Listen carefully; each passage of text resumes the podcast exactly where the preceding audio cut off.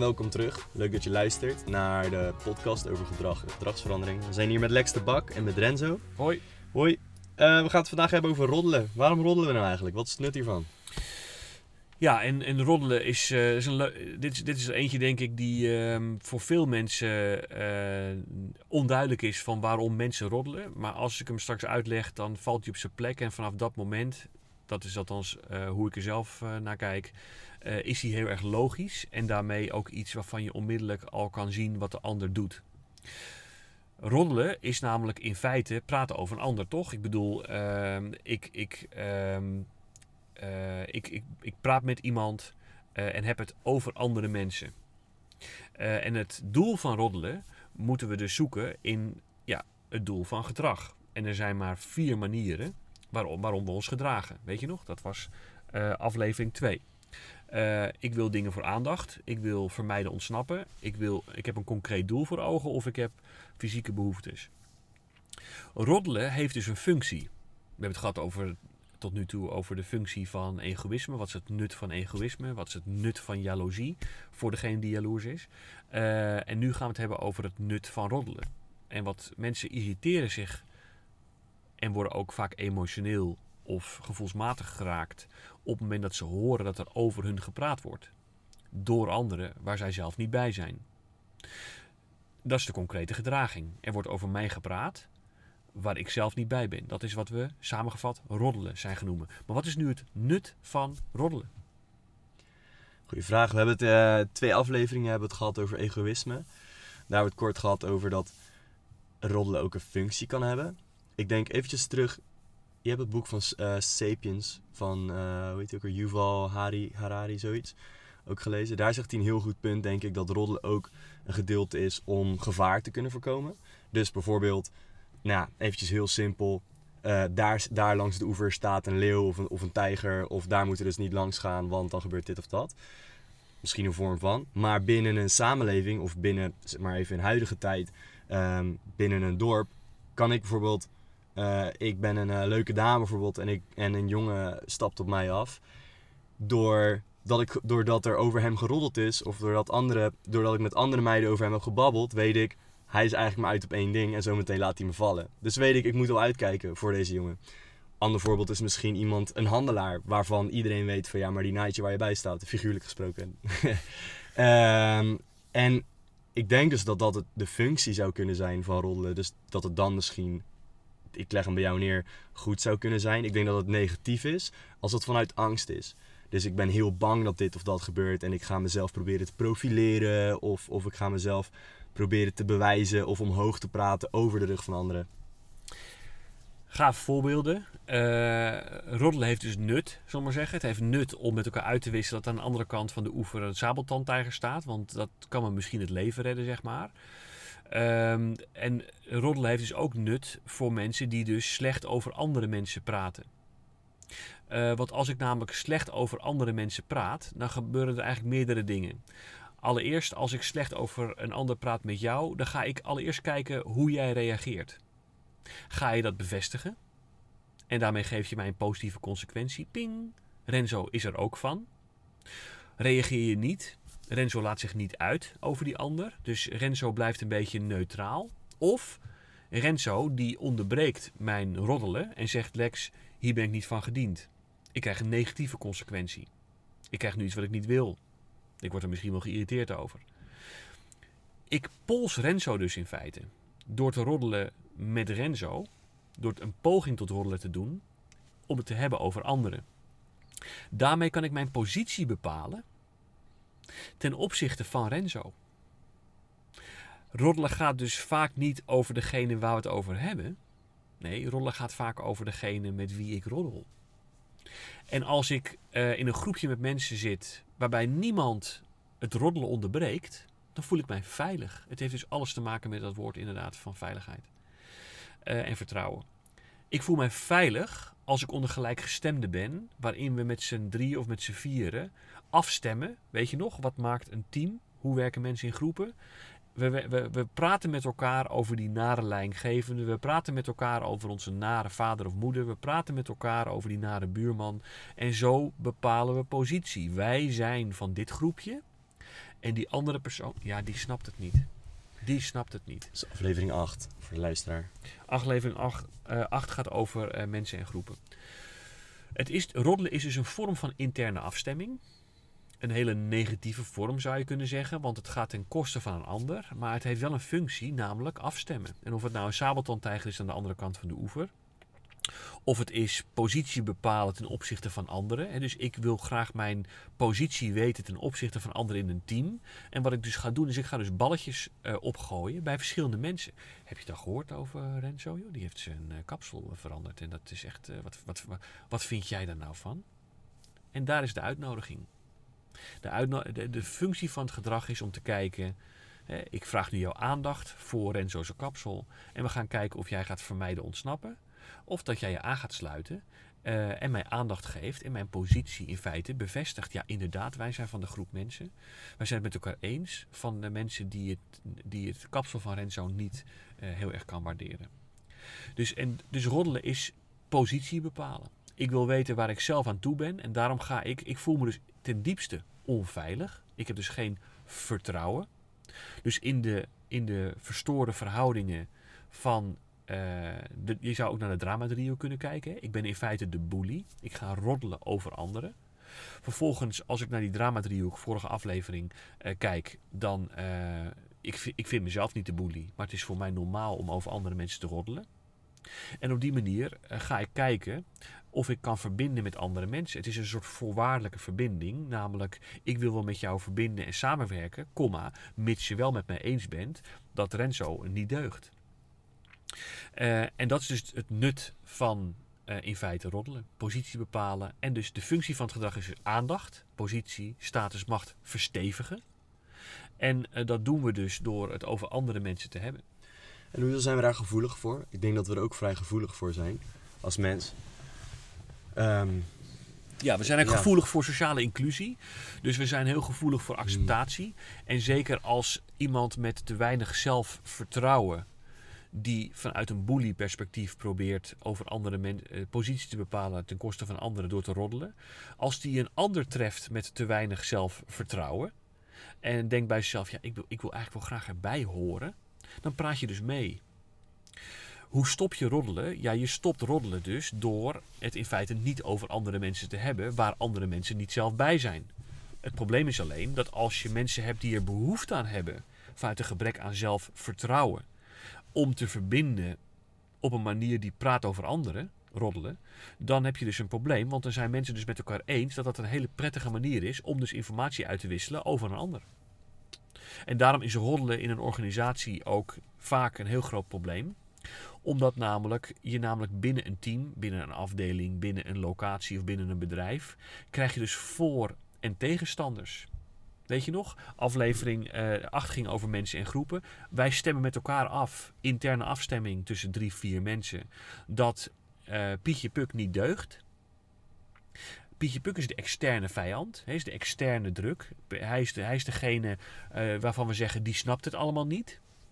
En de mensen die toe mogen treden tot ons eh, groepje, tot ons groepje, dat zijn de mensen die met ons eens zijn en dus moeten uitwisselen. En je moet dus roddelen over Pietje Puk om dus mee te mogen doen. Dus roddelaars eh, zijn dus zelf op zoek naar positie en drukken op een fundamentele aangeboren neiging van mensen, namelijk sociale inclusie. Doe ook mee Renzo, laten we het hebben over Pietje. en daardoor verbinden wij misschien ook meer als groep. Of hebben wij het idee dat we meer verbinden. Roddelen werkt dus. Ja, Als je dus een, een groepje medestanders wil, het vervelende is alleen wel, je creëert ook tegenstanders. Als je een, als je een in-group, out-group zeg maar. eh, eh, dus als je een groepje met mensen wil hebben met wie je ja, in bent, zoals die Amerikanen mooi zeggen, hè, samen. Dan krijg je automatisch ook mensen die er natuurlijk buiten vallen. En die mensen die er buiten vallen, die mogen dus niet meedoen. Sterker nog, het heeft juist nut om die mensen niet mee te laten doen. Want anders hebben we niemand meer om over te praten. ja. Ja, leuk. Ik denk dat, ik denk dat roddelen eh, binnen... In ieder geval, ik kom uit een dorp. En eh, nou ja, je weet dat in een dorp meer geroddeld wordt over het algemeen dan in een stad. Je bent minder anoniem. Het zijn heel erg groepjes. En jij hebt deze vrienden, deze vriendengroep, daar zit jij bij. En daar sluit je bij aan. En als je ook andere vriendengroepen hebt, dat kan eigenlijk niet echt. Je kan eigenlijk niet echt wisselen van vriendengroepen. Want dan heb je dus andere normen en waarden. Je kan niet hangen met de, met de voetballers en daarna hangen met de skaters, weet je. Dan, dan heb je eigenlijk niemand echt. Ik was 20, 21, toen ging ik op reis. En eh, toen ging ik naar Melbourne. Dat is natuurlijk een grote stad, een wereldstad eh, in Australië. En wat mij heel erg opviel, is dat eigenlijk bijna niemand roddelde. En ik ging me er zelf op betrappen dat misschien mijn norm was, of ja, mijn normaal was, om mensen toch automatisch ergens te oordelen op hun uiterlijk of op hun gedragingen en zulke dingen. En daar mm, misschien mezelf, nu kan ik op, daarop terugkijken, mezelf daar nou ja, daarnaast hangen of daar tegenover hangen. Van oké, wie ben ik dan? Wat vind ik van dit? Wat vind ik van dat? Wat vind ik van zus, van zo? En dan. Um, maar ik kon het er eigenlijk ook met niemand echt over hebben. Na verloop van tijd, in het begin was dat een soort van raar. Daardoor betrapte ik me van, oh, ik ga toch oordelen. In het begin was dat, was dat dus een soort van bewustwording.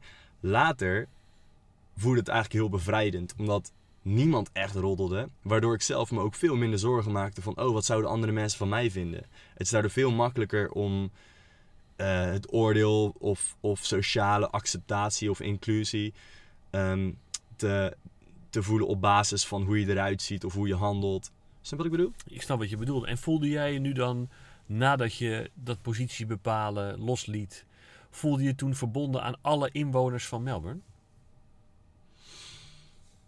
Mm. Want je hoefde dus niet meer tot een specifiek groepje te behoren. Behoorde je toen tot iedereen? Ja, ik denk het wel. Ik denk, nou ja, tot iedereen zou ik niet zo durven zeggen. Maar in ieder geval, dat is een goede, hele goede vraag. Ik, wat ik in ieder geval heb ervaren, is dat ik minder de behoefte heb gehad om per se ergens bij te kunnen horen. Dus meer misschien, of het zo, wat is jezelf zijn, maar meer mezelf kunnen zijn en mijn ding kunnen doen doen waar ik van ben, doen wat ik leuk vind. Of, of nieuwe dingen proberen. Misschien ik voor andere kledingstijl of zo, weet je wel. Zonder angstig te zijn dat ik daarover beoordeeld word. Of in een groepje ergens per se bij hoef te passen of zo. Omdat ja, dus niet nodig was. Jezelf zijn uh, zonder, zonder zorgen, zoals je net zegt. Ja. Vraagt dus zelfvertrouwen. Uh, het noodzakelijke ingrediënt wat jij dus bij zou kunnen dragen, is dus: ik heb zelfvertrouwen en daardoor heb ik afgeleerd om dus vanuit het dorpse nog na te denken over groepjes voor- en tegenstanders. En waar hoor je dan precies bij? Je bent letterlijk de wijde wereld ingegaan vanuit het dorpse en hebt eerst af moeten leren wat je hebt meegekregen tussen geboorte en het moment van reizen. Namelijk het dorpse. Bij wie hoor je dan? Waar ben je dan van? Dat blijkt in een grote stad zoals Melbourne dus te verdampen, want dat blijkt helemaal niet relevant te zijn. De mensverse omgeving. Dat was uh, aflevering 1. Uh, Renzo verse omgeving. Als de omgeving Melbourne is, wordt er dus niks gevraagd aan wel, van welke kleur ben jij of van welke, wat voor kleding draag je, wat voor hobby's heb je, et cetera. Maar dan is wel de vraag, en dit is een hele belangrijke, hoe voel je je daarbij? En als je dan zelf vertrouwen hebt, dan kun je dus omgaan met het feit dat je nergens meer bij hoort. Je kunt hem ook omdraaien en zeggen ik hoor overal bij. Er zijn mensen die hebben geen zelfvertrouwen en die zich dus in Melbourne niet goed zouden voelen, omdat ze nou voor hun gevoel opgaan in anonimiteit. Ik, ik weet niet meer bij wie ik hoor. Ja, zegt Renzo, maar je hoeft helemaal niet meer bij iemand te horen. Dat is geweld. Nee, nee, nee, nee, nee. Ik moet per se wel bij andere mensen horen en ik wil wel ergens van zijn. Anders weet ik misschien wel niet wie ik ben. Dus, um, mooie vergelijking tussen het dorpse, waarin dus ja, groepsvorming, maakt niet uit op welke basis, maar groepsvorming dus het normaal was. Je hebt dat moeten ontleren, maar je hebt het kunnen ontleren omdat je namelijk ermee om kon gaan. Er zijn mensen die er niet mee om kunnen gaan en het vliegtuig pakken en als ze zo terug teruggaan naar het dorpse en zeggen, hé, daar voel ik me weer eindelijk vertrouwd, mezelf. Ja. Dat, dus, dus um, mooi voorbeeld van uh, waarom dus uh, groepsvorming uh, in bijvoorbeeld een, en waarom is dan groepsvorming in een dorpje gebruikelijk? Nou, omdat dus blijkbaar de mens van nature groepjes vormt. Dat is dus toch wat we uiteindelijk doen. Dus je zou kunnen zeggen, wat is nou, het is misschien nog wel natuurlijker dus om te roddelen, ook al is het niet heel functioneel gedrag. Het is misschien nog wel natuurlijker om te roddelen, waar ben jij dan van? Dus die groepsvorming is nog wel meer die sociale inclusie, onze natuur, dan dat zelfvertrouwen onze natuur is, want niet iedereen heeft zelfvertrouwen. Dus roddelen kun je goed begrijpen uh, voor wat het is, namelijk positie bepalen, uh, on, duidelijkheid scheppen. Ook al is het een moeilijke manier van duidelijkheid. Het is En- wel duidelijkheid. En afstemmen wie er wel en niet bij jou hoort. Afstemmen wie er wel niet bij je hoort. Eh, en de vraag is, als je dus de wereld intrekt, zoals je dus letterlijk zelf gedaan hebt, eh, dan is dus de vraag, kan ik ermee omgaan dat ik nergens bij hoor? En er is een groep met mensen die daar niet mee om kan gaan. En nu we dit weten, wat kunnen we hiermee doen? Stel, ik zit in een omgeving met mensen die heel veel roddelen. Dat is eigenlijk de norm. Ik kom uit een dorp. Ik heb ook nog eens honden, dus ik ben elke dag in het park. Ehm, Ik tref dus elke dag mensen. ik tref elke dag mensen en ik weet niet of jij uit... Kom jij uit een dorp? Ik niet. Jij komt uit Nee. Ja, Nee. nou, in een dorpje dus heel veel. In het park wordt over iedereen, over iedereen gepraat. Over het algemeen, dus met, met de honden. Eh, hier wil ik vanaf. Eigenlijk. Hoe- Ja. Kan ik hier iets mee? Nou, kijk, op het moment dat je. ehm, dus de vraag is: ga je meedoen in aan het. Dus er zijn in feite drie dingen. Eén, ehm, kun je het roddelen echt begrijpen voor wat het is? Dus, dus begrijp dat mensen de noodzaak voelen, de behoefte hebben om te roddelen over anderen, omdat ze misschien niet zelfverzekerd zijn in Melbourne, zullen we zeggen, in jouw Ja. voorbeeld. Dus, dus begrijp je waarom er geroddeld wordt? Dat is denk ik punt één. Punt twee is. Ehm, heb jij zelf roddelen nodig? En er is een hele grote groep met mensen die dat roddelen helemaal niet nodig heeft, omdat ze zelf vertrouwen hebben, zelfverzekerd zijn. Dus niet afhankelijk zijn bij welke groep ze horen, maar gewoon hun ding doen, zullen zeggen. Ehm, als je dat zelfvertrouwen hebt en hebt bepaald voor jezelf, ik hoef dus, eh, ben je dus niet afhankelijk van wat andere mensen zozeer van je vinden, op welk groep je wordt geplaatst.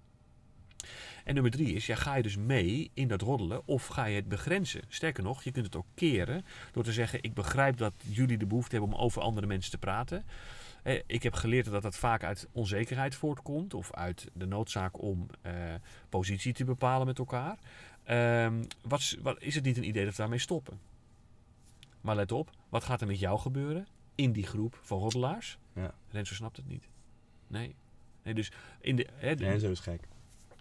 Die kans is zeer aannemelijk. Ehm, dus hoe werken mensen in groepen, weet je nog? Interne afstemming, externe druk. En de laatste is in- en uittredende mensen. We zijn dus met vijf roddelaars eens dat Renzo eh, in feite het niet begrijpt. En Renzo wordt uitgetreden, wordt, wordt gedwongen uit te stappen.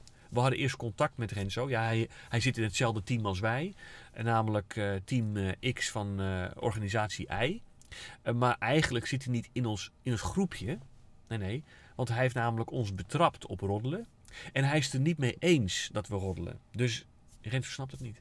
En ze roddelen toch wel door. Dus ja, als je dan uit, uitgetrapt wordt. Je zelfverzekerdheid gaat dus, je, je zelfvertrouwen gaat dus op de proef gesteld worden als je roddelaars onderbreekt. Want je gaat namelijk een, een pushback krijgen, een reactie krijgen.